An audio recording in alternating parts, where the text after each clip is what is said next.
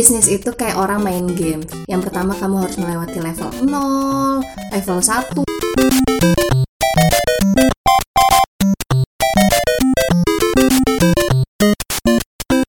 Selamat datang kembali di podcast Satu Atap bersama gue Tias dan juga suami gue satu-satunya Firdaus Zulfikar aka Zulfi.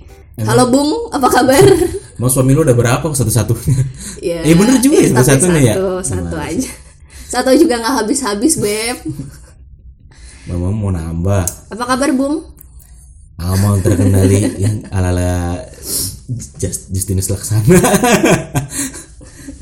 Kamu malah promosi podcast lain loh. oh iya, emang ini pendengar pada tahu siapa itu? Tau lah.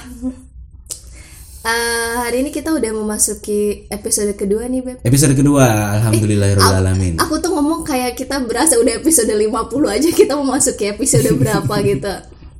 Ya, kita udah memasuki episode kedua nih dari podcast Satu Atap. Dan eh, sebelumnya aku mau kita sih, kita sih mau ucapin terima kasih Terima banyak kasih banget untuk teman-teman yang buat sudah teman-teman sudi mendengarkan mendengarkan di episode pertama podcast Satu Atap. mau mendengarkan omongan cempreng kita dua manusia yang mungkin suka berkata-kata random gitu kan Ya, eh, terima kasih banyak buat teman-teman yang sudah sudi mendengarkan dan juga aku bener-bener apresiasi banget sih Beb dan ngerasa happy banget ketika ada teman-teman yang bahkan ngasih ngasih masukan gitu loh, ngasih saran. Karena buat aku kan ini ya ada ada dua reaksi ya. Yang pertama kan orang yang kemudian melihat suatu karya, buat aku podcast ini suatu karya sih Beb. Hmm. Ada yang kemudian melihat suatu karya itu dia memuji atau kemudian ah ngerasa nggak suka nih gitu keduanya aku ngerasa happy banget ketika kalau pujian ya siapa sih kemudian yang nggak seneng ya? Kalau misalnya kemudian yang kedua reaksi kedua kurang suka nah mereka beralihnya dengan membuat rasa tidak suka itu dengan memberikan saran gitu. Or even kritik. Apa? Oh, iya yang kritik.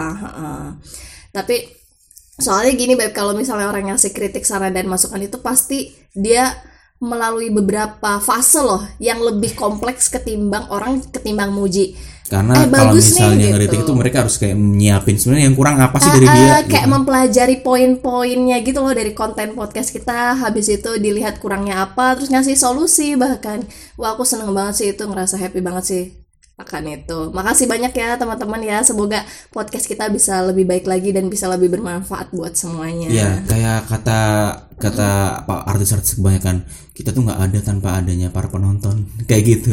Seperti sama halnya seperti kita. Kita tuh nggak bakal ada tanpa adanya para pendengar. Iya benar benar benar benar. Bukan para fans ya. Para fans. Para pendengar. Ya makasih banyak sekali lagi. Eh, well kita memasuki episode kedua kita akan membahas suatu tema yang sebenarnya mirip-mirip dengan episode pertama sih Beb masih mirip. Berhubungan mungkin ya? Ya berhubungan. Cuma eh, sebenarnya basically bahasan ini tuh bisa kalian temukan di berbagai platform. Ya Google ada, Twitter ada, Instagram, YouTube atau bahkan podcast-podcast lain. Cuma yang berbeda adalah atau kita seminar-seminar mungkin? Ya, ya bisa jadi. Cuma yang berbeda adalah kita hari ini mau eh, sharing yang memang sudah kita jalani dan berhasil gitu. Terus habis itu ya jadi ini bukan bisnis teori ya, bukan teori bisnis. Jadi ini lebih lebih, ke empirik Ah, ah. what do we do what do we feel Mm-mm. and what do we learn from uh, making some mistakes and making some experience Ya, ya, ya, ya. Jadi di sini kalian gak bakal menemukan teori-teori yang mutakhir berdasarkan disertasi dari seorang dosen Harvard Business School kayak gitu nggak nggak di sini nggak akan kalian kalian cuma akan mendengarkan dua orang cowok dan cewek yang kebetulan suami istri yang kebetulan juga jualan nasi uduk ya. seperti itu Jadi nggak bakal nemuin how to start a business from concept to IPO karena kita juga belum sampai ke titik IPO. ya, jadi ya udah kita bakal ngomongin berdasarkan pengalaman kita aja gitu. Langsung kita mulai? Ya. Yang kita bahas apa sih yang harus uh, dipersiapkan sebelum kita memulai sebuah bisnis bisnis.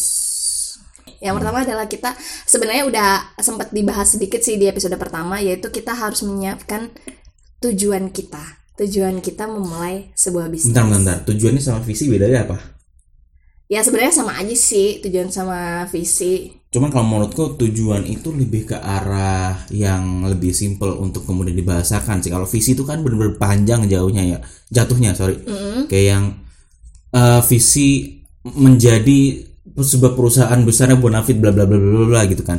Kalau tujuan itu sesimpel misal ini kan kita kita bicara how to start a business ya. Ah, Ya tujuan kita jualan ya as simple as sebenarnya lu jualan tuh mau apa sih atau e- apa either- yang mau lu cari gitu ah ya either yang kedua pertanyaan sebenarnya lu tuh mau jualan apa? ya Apa yang ingin lu jual apa kayak yang gitu. lo mau tawarkan ke publik gitu ya ya ya Jadi itu sesimpel itu sih.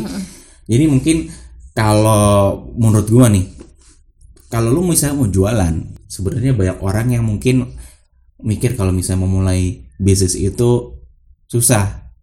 Ya kalau misalnya mikir bisnis, mikir kreatif itu tuh semua orang tuh bisa ya. Semua orang tuh bisa, they capable of it gitu. Cuman yang susah itu adalah gimana mereka bisa mengeksekusinya ya dan juga untuk kemudian persistence gitu Iya, kan iya. bisa istiqomah terhadap itu nah kayak kayak gua gua zaman dulu gua tuh mikir apa namanya untuk berpikir untuk berpikir apa namanya maju mundur maju mundur terus habis mengkonsep itu bahkan bisa dibilang 2 sampai 3 no, 2 sampai 3 bulan bisa jadi bisa ya dua setengah bulan lah. Gua mikir terus habis itu kayak yang ada ada burden gitu ada kayak halangan untuk kemudian aku bisa aktualisasi gitu kan. Untuk kemudian bisa oke aku jualan kayak gitu. Mungkin yang kemudian membuat membuat gua agak lama tuh mungkin salah satunya adalah gua nggak bisa ngedefense sebenarnya gua tuh mau jualan apa sih kayak gitu kan. Gua mau kemudian mau mau memulai apa sih gitu kan. Seperti itu jadi pas awal-awal gue merenung ya udah gue mau jualan. Sesuatu yang ingin aku kemudian jual itu berdampak eh, luas bagi masyarakat. Gitu. Hmm, berarti ada tujuannya ada kan tujuannya. Walaupun seremeh Untuk itu masyarakat, eh, maksudnya untuk seremeh masyarakat. seremeh jualan nasi uduk gitu kan. Ya berarti kan untuk utama untuk give eh, apa? a food gitu kan. Give, gi- memberikan mereka makanan seperti itu. Dan mereka they have a full tummy and they can do their activities normally kayak gitulah karena kan eh, kamu menyediakan kalau misalnya ini kan nasi uduk kan khusus sarapan ya Khusus sarapan. di mana kemudian orang bisa memulai aktivitas Iya. ya sebelum melakukan semuanya ya giving their best breakfast they Ah, can iya, iya, iya, they can afford Iya kayak iya gitu. iya. Dan itu bakal berdampak lebih luas lagi kan? Mm-mm. Iya gitu ya. Iya, tapi tapi Beb nggak dipungkiri sih memang eh, purpose utama utama untuk buat eh, untuk mendirikan sebuah bisnis adalah mendapatkan profit, ya nggak? Hmm, no. Enggak. Menurut lu gimana? Menurut aku kalau uang itu cuma sebagai efek efek deh. cuma sebagai efek samping sih, Beb. Money is just beneficial side effect of success uh, successful execution gitu loh. Dari sebuah bisnis yang kamu jalankan gitu loh. Cuman secara prinsip ekonomi, ya memang kita melakukan sebuah usaha jual beli, ya u- hal utama yang kita harus dapatkan Kejar. ya eh, ma- money gitu kan, Iya, uang gitu, karena kan Biar bisa berkembang biar bisa perusahaan berkembang. Nah, seperti itu. Cum, eh, Jadi kalau menurutku nih, ini ini versiku sendiri sih. ya. iya. salah satu purpose untuk kemudian kita bisa running sebuah bisnis ya kita harus tahu maksudnya kita tuh mau apa namanya making money produce money from what gitu. Jadi mungkin untuk memulai sebuah bisnis kalian harus mau nggak mau being pragmatic sih. Di satu sisi di satu sisi lo ya. Di satu sisi, oke. satu si- di satu sisi kalian harus uh, mindful dan harus visioner. Seperti yang aku tadi bilang tadi seremeh nasi uduk tadi tapi itu habis itu visinya bisa segitu.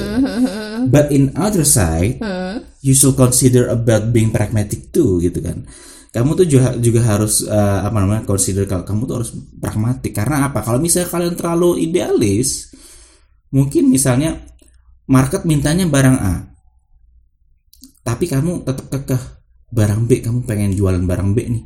Kalau secara uh, business scaling misal barang B ini scale-nya uh, yang mau cuman orang dua barang A yang mau orang ada orang 300 gitu. Ya oke kamu mungkin secara idealis kamu bisa persisten di situ kamu mungkin bisa kemudian mendapatkan marketmu sendiri.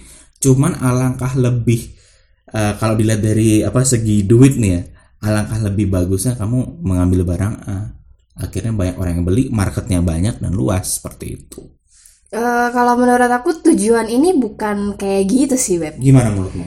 Eh, tadi tujuan itu ya emang bener-bener tujuan jangka panjang. Kayak gitu. Soalnya gini loh beb ketika terutama untuk diriku sendiri secara personal sih ya ketika aku membuat suatu tujuan yang benar-benar besar banget gitu kan apalagi untuk negara apalagi buat dunia ya gimana ya beb? Kita nggak bisa mencapai sebuah tujuan besar kalau kita menggunakan langkah-langkah yang kecil. Mm.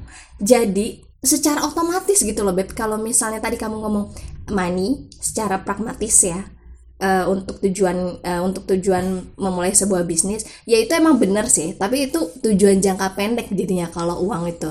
Karena aku berani jamin kalau misalnya tujuannya cuma uang ketika menghadapi masalah-masalah besar satu tahun dua tahun dan dia nggak bisa melihat kalau misalnya ya ini cuma sekedar eh, bat- eh, bat- apa sih namanya halangan, Halangan. sepele aja lah gitu They fall down ya. Mm-mm, dia bakal jatuh sih kalau misalnya ngelihatnya cuma uang aja gitu. Soalnya kalau misalnya ketika lo pengen mencapai sebuah tujuan yang besar, lo pasti memulai langkah-langkah yang kecil, tapi lama-lama pasti menuju yang besar dan otomatis duitnya juga bakal banyak. Iya sih. Kalau misalnya Gitu. cuman otaknya profit oriented, Mm-mm. Gojek, Tokopedia sampai sekarang aja neraca keuangannya masih minus ya. Bahkan bahwa mereka mereka masih rajin bakar duit gitu kan. Maksudnya secara itu hitungan bisnis kan Iya. itu nggak masuk gitu loh.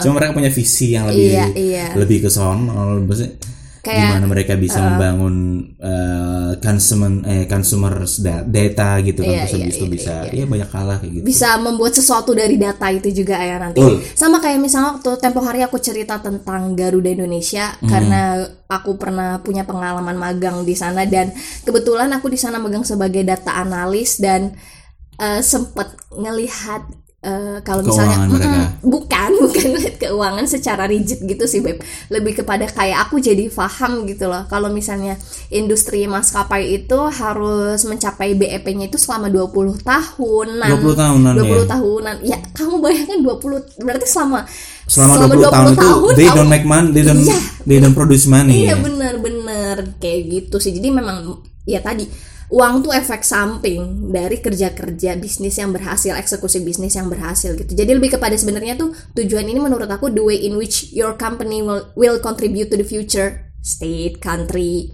bahkan world gitu loh. Gitu, Beb. Dari dua pendapat kita mungkin kita bisa dielaborasi ya. Jadi memang kita di satu sisi harus melihat mungkin sebagai pengusaha yang let's say UMKM kecil gitu ya. Ya kita harus melihat uang itu, harus melihat ke apa namanya eh, pasar itu maunya apa. Intinya kayak ekonomi eh pakai prinsip ekonomi lah.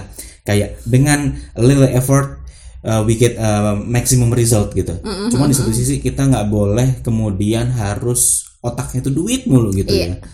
Jadi harus mengapa nama eh, kayak memikirkan kayak tadi, kayak dikatakan Tias tadi, mm, banyak hal yang kemudian masih lebih berarti dan itu mungkin misal apa namanya uang itu ketika misalnya lagi nggak deres nih masuknya duitnya ya itu mungkin bisa jadi satu ujian dan Iya, satu iya. batu Dan ingat lagi ke tujuan besarnya itu supaya nggak gampang jatuh. betul biar nggak gampang berhenti.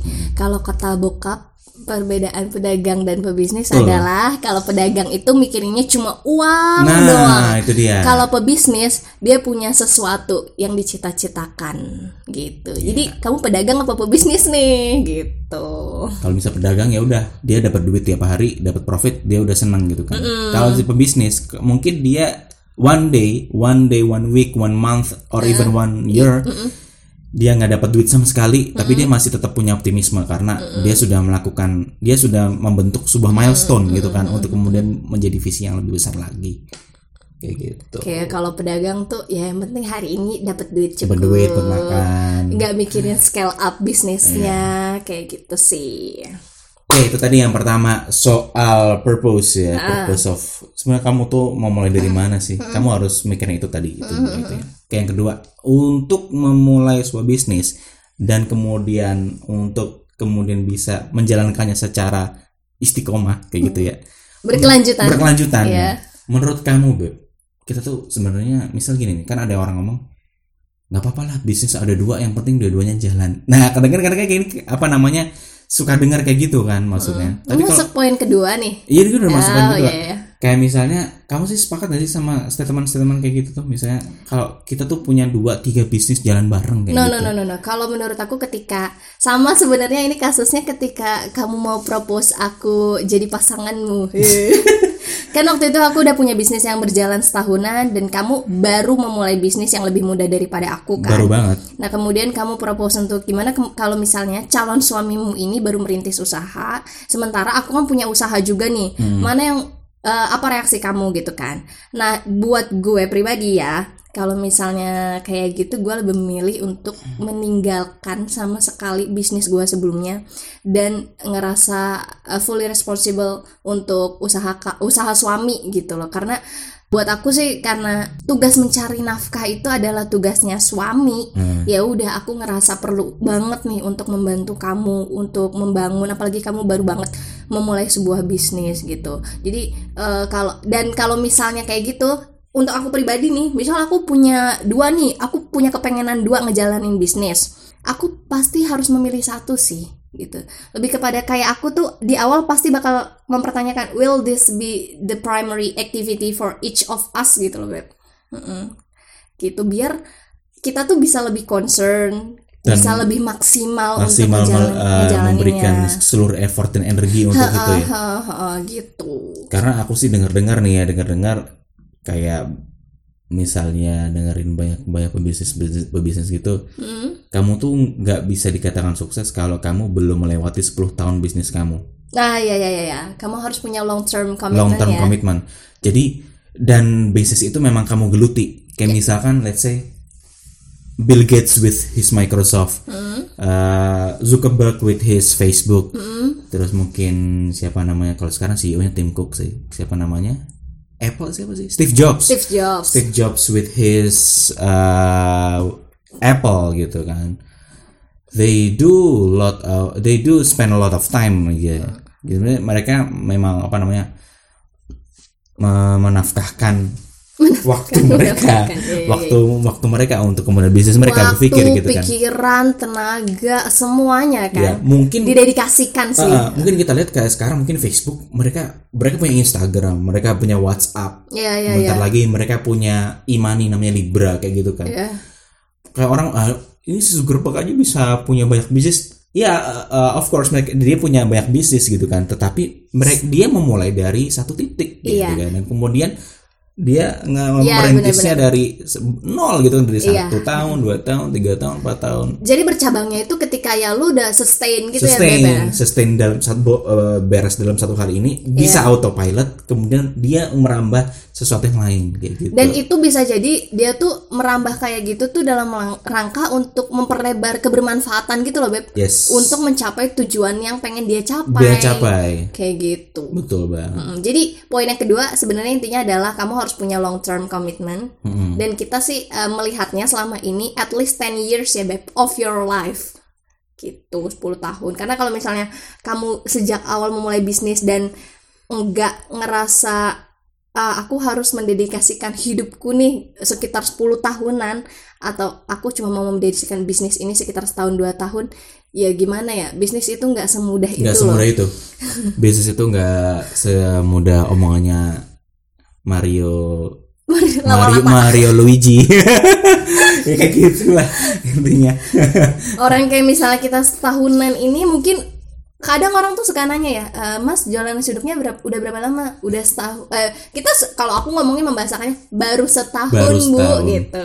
Nanti ibu ibunya bilang oh udah setahun gitu ya. Berarti udah enak ya. Kata siapa? Kata siapa gitu kan. Mungkin kayak punya pikiran wah jadi misalnya jadi pengusaha tuh enak ya punya waktu waktu luang terus habis itu duitnya banyak. Kayak yang di episode pertama not it is not gitu kan. Dan ini juga berlaku sama ada ada ada ada hubungannya sama kita tuh harus bener-bener bisa sustain selama 10 tahun gitu loh. Iya iya iya misalkan iya. in first year you are really really broke. Kamu bener-bener bangkrut kayak gitu ya. Ya kamu harus menikmati itu. Kayak yang aku bilang tadi kita tuh harus mulai bisa menikmati apa yang disebut dengan kegagalan. Iya gitu benar ya. sih benar karena nggak mungkin pebisnis itu nggak gagal. sih.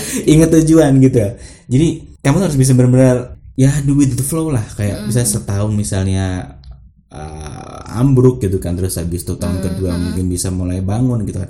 Karena selama 10 tahun itu nggak mungkin. Tiap 10 tahun kita Sukses ngejar- terus. sukses terus grafiknya itu kayak kalau misalnya kayak kurva XY itu kan naik terus gitu kan ya. Pasti ada turunnya ada naiknya ada upsnya ada downsnya gitu kan. Iya benar benar benar. itu sih. Kalau menurut kita ya menurut hemat kita ya namanya eh, berbisnis itu memang harus punya pandangan ke depan Iya, nggak iya, 10 tahun Iya 10 kayak tahun gitu. at dan least 10 years. dan jangan lompat-lompat gitu ya kalau bisa itu itu aja karena kayak kata siapa tuh kata temenmu beb yang apa eh bukan temenmu kayak itulah misalnya yang kamu menganalogikan bisnis dengan sebuah game Jadi em, bisnis itu kayak orang main game. Yang pertama kamu harus melewati level 0, level 1, level 2 di mana setiap kenaikan level itu pasti kamu menemukan suatu obstacles berbeda-beda. Abis itu kamu mungkin kalau misalnya orang ma- main Mario Bros gitu, Mario Bros tua banget ya. Mario itu kan kalau dia loncat-loncat nanti dia nemu hadiah gitu kan. iya koin koin. Oh ya koin koin. Koinnya kan berbeda-beda kayak gitu kan beb. Kayak per level gitu. Ya nanti kamu kan kayak nabung pundi-pundi hadiah dalam tanda kutip hadiah. gitu Terus habis itu dari tiap setiap level yang level. sudah kamu lalui gitu. dan tiap level musuhnya juga lebih lebih susah setiap Nah, naik level mm, jadi jangan jangan sampai gini sih kalau misalnya saran kita kalau misalnya kalian memulai bisnis jangan langsung pengennya loncat ke level 10 gitu Hmm. misalnya oh pengen ngebangun eh pengen ngebangun bener pengen ngebangun villa misalnya langsung 70 villa kayak gitu jangan kayak gitu sih lihat dulu kemudian eh, trennya seperti apa dilihat dulu masalah-masalah yang kalian mungkin hadapi di titik terkecil gitu. Biar apa? Kalau simpelnya gini sih Beb, biar nanti ketika punya karyawan kalian bisa ngajarin dengan bijak. Betul. Kayak tuh. gue pernah ada di masa-masa lu sekarang jadi jangan ngeluh. Jangan ngeluh. Aku udah pernah ngerasain yang terberat daripada ini kayak gitu kak. Kalau sekarang kan kamu punya teman-teman nih yang bantuin nih karyawannya misalnya udah banyak gitu. kayak gitu sih ya Mm-mm, jadi orang buka bisnis itu sama kayak orang baru memulai sebuah game.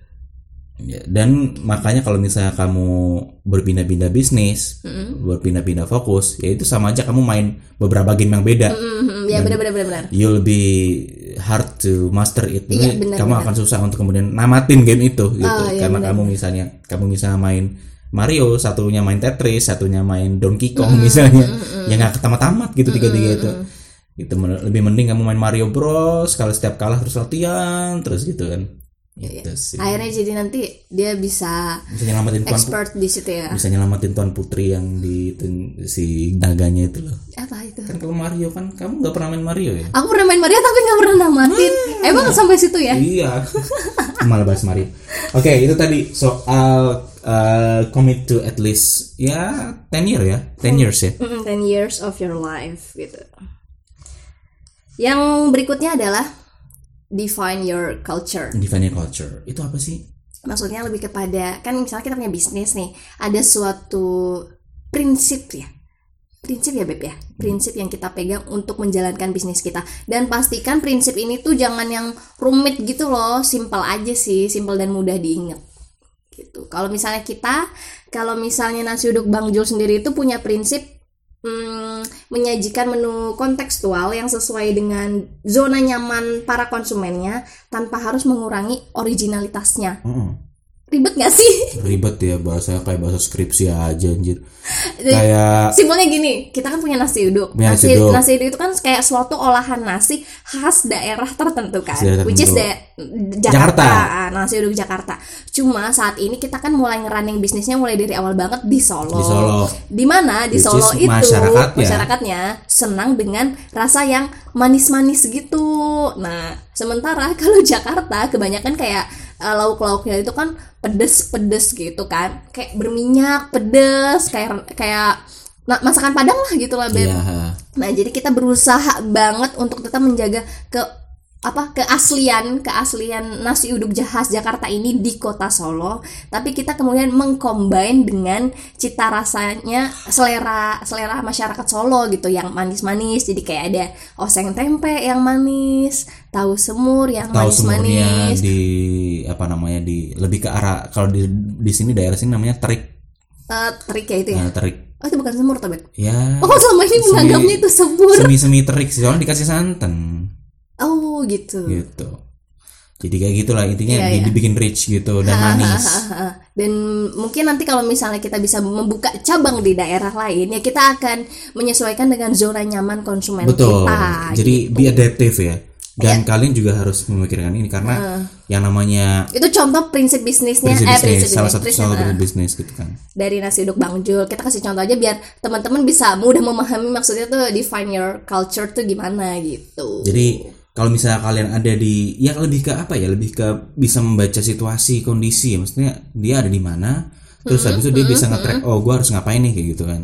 Oh iya iya iya iya. biar biar dagangannya laris dagangannya laku eh, either dia ngasih ini ngasih itu. Kan mungkin kan eh, teman-teman yang mau mulai bisnis ini kan bisnisnya macam-macam nih nggak cuma makanan kan ya. Iya. oh tadi kan contohnya cuma makanan nih. Iya. gitu. Tapi bisa juga sih Beb kalau misalnya eh, di poin ini kalian itu punya prinsip yang lebih general kayak misalnya kita harus tetap eh bukan. Kita harus menomorsatukan kualitas dibandingkan kuantitas gitu. Kan bisa juga kan kita tapi kan kalau di nasi uduk Bang Jul kan kualitas sama kuantitas harus sama. Iya harus sama. Susah juga itu. Makanya marginnya lumayan lumayan Eh, ya itu kan uh, bagian dari tipis. Iya. siasat bisnis juga gitu. Jadi ya tergantung disesuaikan dengan bisnis kalian masing-masing yang mau kalian jalanin. Balik lagi gitu. Itu sih soal di ya itu singkatnya terus yang selanjutnya adalah yang keempat ya Beb ya keempat yang keempat adalah orang kalau jualan suatu produk itu kayak lagi ngetes asumsi dia maksudnya Jadi anggaplah ketika kamu menjual suatu produk itu kamu tuh bener-bener full salah terhadap asumsimu gitu. gelas kosong Bisa juga kayak Bisa gitu. gitu ya? Ah, jadi gini, eh ya berarti tadi kita mulai dengan sebuah keinsecurean ya iya nggak apa-apa nggak apa-apa gitu. Nah kita menjual suatu produk itu karena kita itu ngerasa asumsi kita tuh salah. Nah makanya kita tes. Cara ngetesnya adalah dilempar produk kita ke pasar. kira-kira responnya gimana nih Nah, nah dilempar produknya ke pasar kan, habis dilempar produknya ke pasar, kita kan dapat dalam tanda kutip masukan kan, entah masukan itu dia ngomong secara langsung atau kita bisa lihat valuasi penjualan kita meningkat apa kemudian turun gitu. Nah itu kita sebut sebagai data, oke iya kan? Kita Data. sebut sebagai data. Kita lihat datanya, apakah eh, data dari hasil tes asumsi kita ini bagus apa enggak Hmm, gitu kan. Nah, terus kemudian baru kita combine dengan feeling kita, dengan inovasi kita terhadap produk kita sendiri.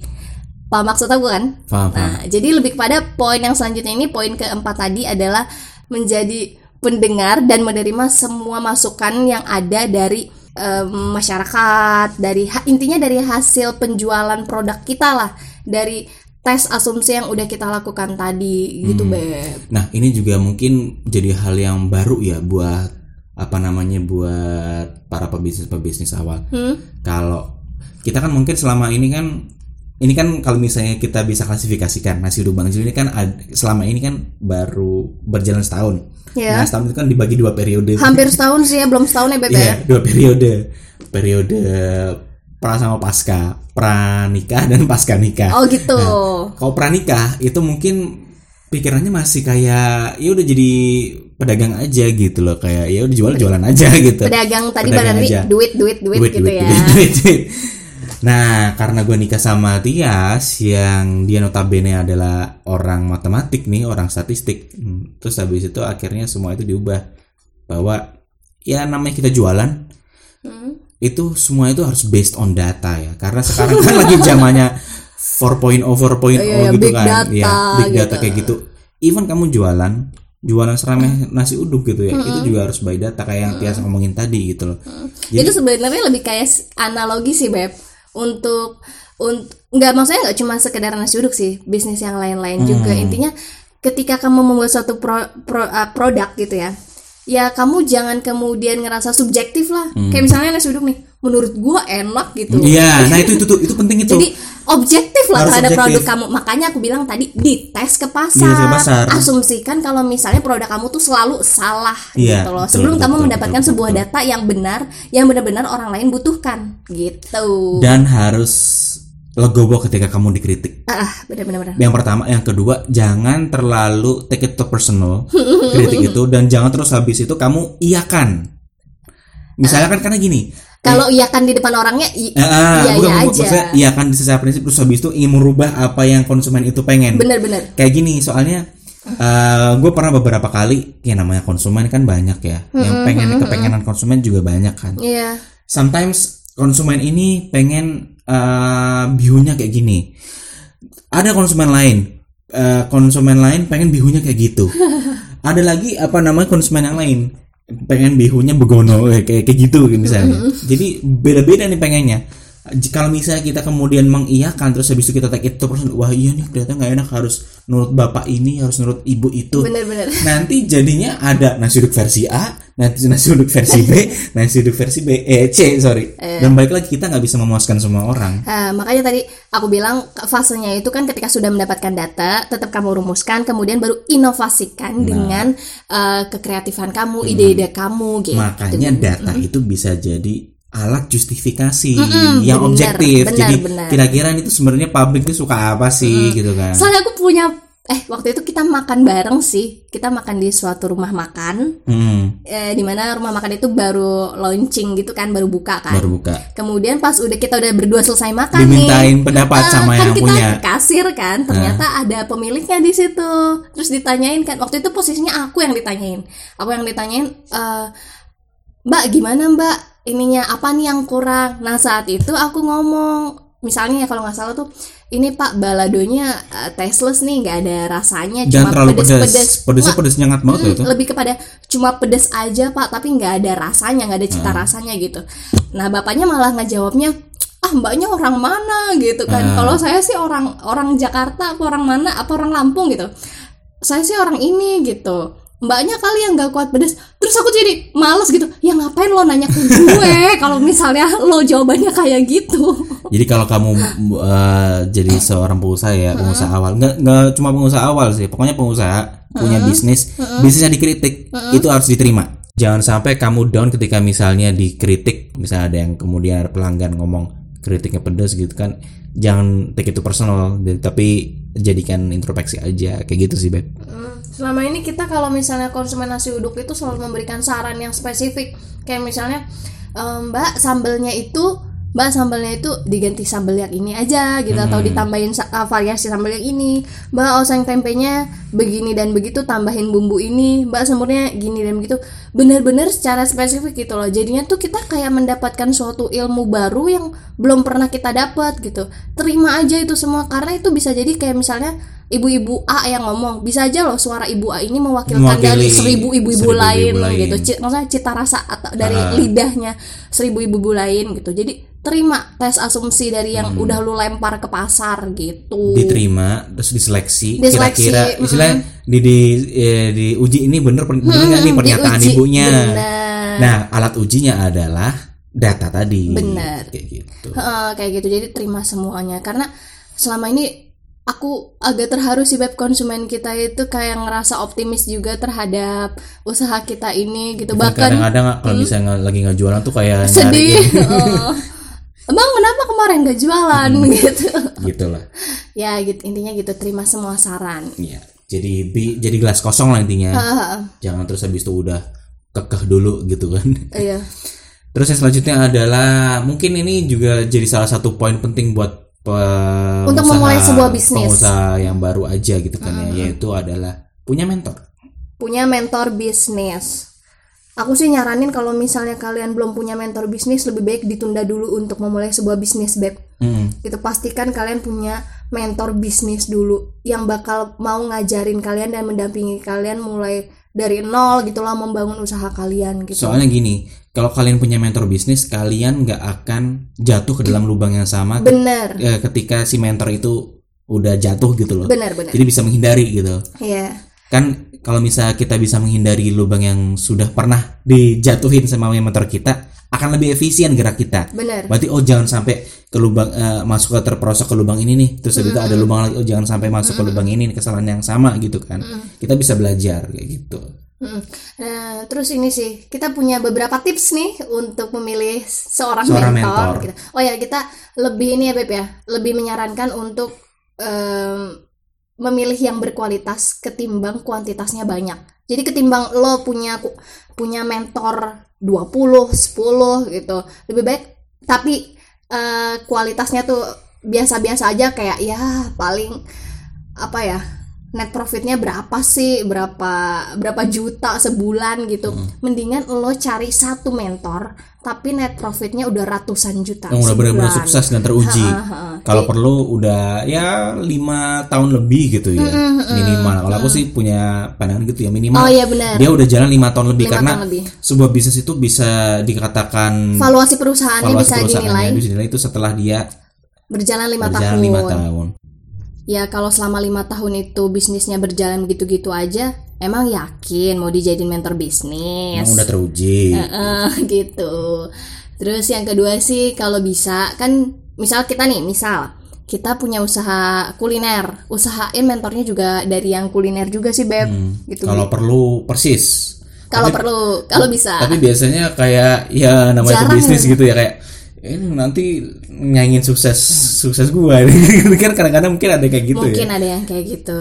Ya diusahakan lah. Sebisa mungkin semirip mungkin apa namanya bidang usahanya itu sama. Hampir hampir-hampir sama kayak kita. Biar enak juga sih ngajarinnya. Soalnya kalau misalnya kalian bisnis misal bisnis kuliner terus habis itu kalian cari mentornya bisnis ekspedisi gitu kan. Mm-hmm. ya agak susah ya maksudnya. Mm-hmm. uh, bisnisnya beda gitu. Atau misalnya mentornya cari jasa. Uh, dia bisnis barbershop misalnya. Terus kita kuliner kan agak nggak nyambung ya. Hmm, agak-agak susah juga ya untuk meraba-raba pasar. Iya. nah itu tipsnya. Terus yang ketiga adalah nah, tipsnya itu cari mentor yang emang bener-bener kenal sama kamu kalau bisa. Jadi kalau belum kenal ya kenalan aja approach aja terus gitu. Terus benar-benar peduli dengan kamu dan peduli dengan apa yang kamu bangun gitu. Untuk memasuki ini kamu yang otomatis harus pendekatan dulu dong harus PDKT dulu. Pernah beberapa kali ada yang nanya gimana caranya untuk mendapatkan mentor. Nah itu bisa jadi aja eh bisa jadi aja bisa aja itu calon investor untuk bisnis kamu. Yang mau pitching kamu mau pitching iya, situ. Atau bisa juga adalah orang-orang yang emang udah memulai bisnis duluan sebelum kamu dan kamu kagum terhadap uh, valuasi penjualannya gitu. Terhadap, valuasi, perkembang, eh, terhadap uh, perkembangan bisnisnya. uh, terhadap perkembangan bisnisnya.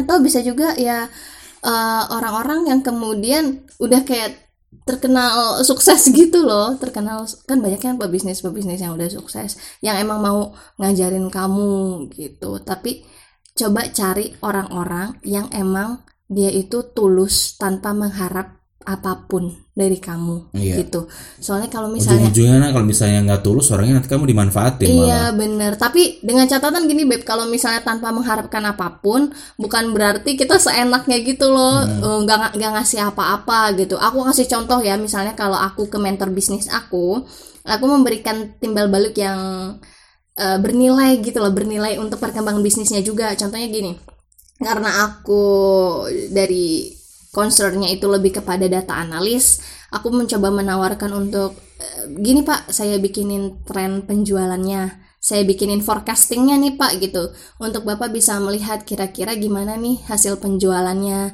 Jadi malah nanti bisa kayak simbiosis mutualisme gitu bener, ya Beb ya? Bener. jadi nggak cuman kamu yang meminta sesuatu dari bapaknya atau dari mentor kita tapi mentor kita juga dapat sesuatu. Jadi iya, kayak seakan-akan kayak ya ada ada hubungan di situ dan iya, bener -bener hubungan itu saling memberikan manfaat. Iya, iya, iya.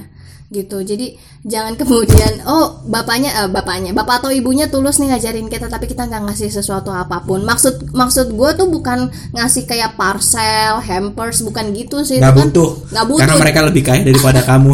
iya benar benar benar. Lebih kepada timbal balik yang bernilai kayak gitu itu tadi?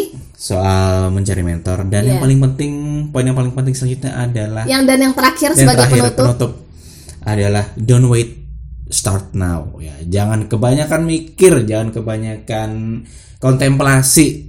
Udah pokoknya mulai aja. Tapi ya mulai dengan persiapan. Kira-kira persiapannya matang kalian udah mau ngapain nih apa namanya mau jualan apa gitu kan ya.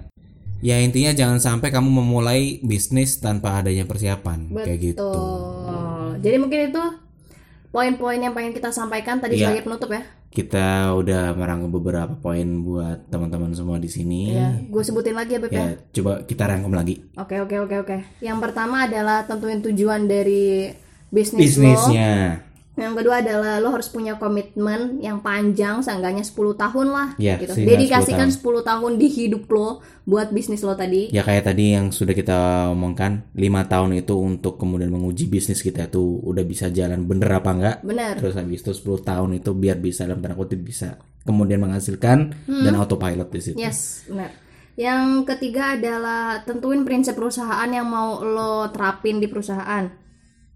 Dan yang keempat adalah terima semua masukan Terima dari semua masukan. semua konsumen yang udah lo tawarin tuh produk lo. Jadi gelas kosong. Ya. Yang ke berapa tadi? Yang kelima ya. Yang kelima adalah carilah mentor Hmm. Cari sebelum sebelum lo memulai sebuah bisnis supaya lo nggak masuk ke lubang yang sama. Betul. Dan yang terakhir adalah Mulai sekarang, Mulai jangan sekarang. tunggu nanti-nanti. kayak kata-kata Tokopedia ya. Mulai aja sekarang. Kamu promosi. gitu. Oke, Mungkin itu aja buat podcast kedua kita yang masih bahas soal bisnis-bisnis. Ya, semoga bermanfaat buat kalian. Gue Zulfi, gue Tias. kami pamit. Bye. Wassalamualaikum warahmatullahi wabarakatuh.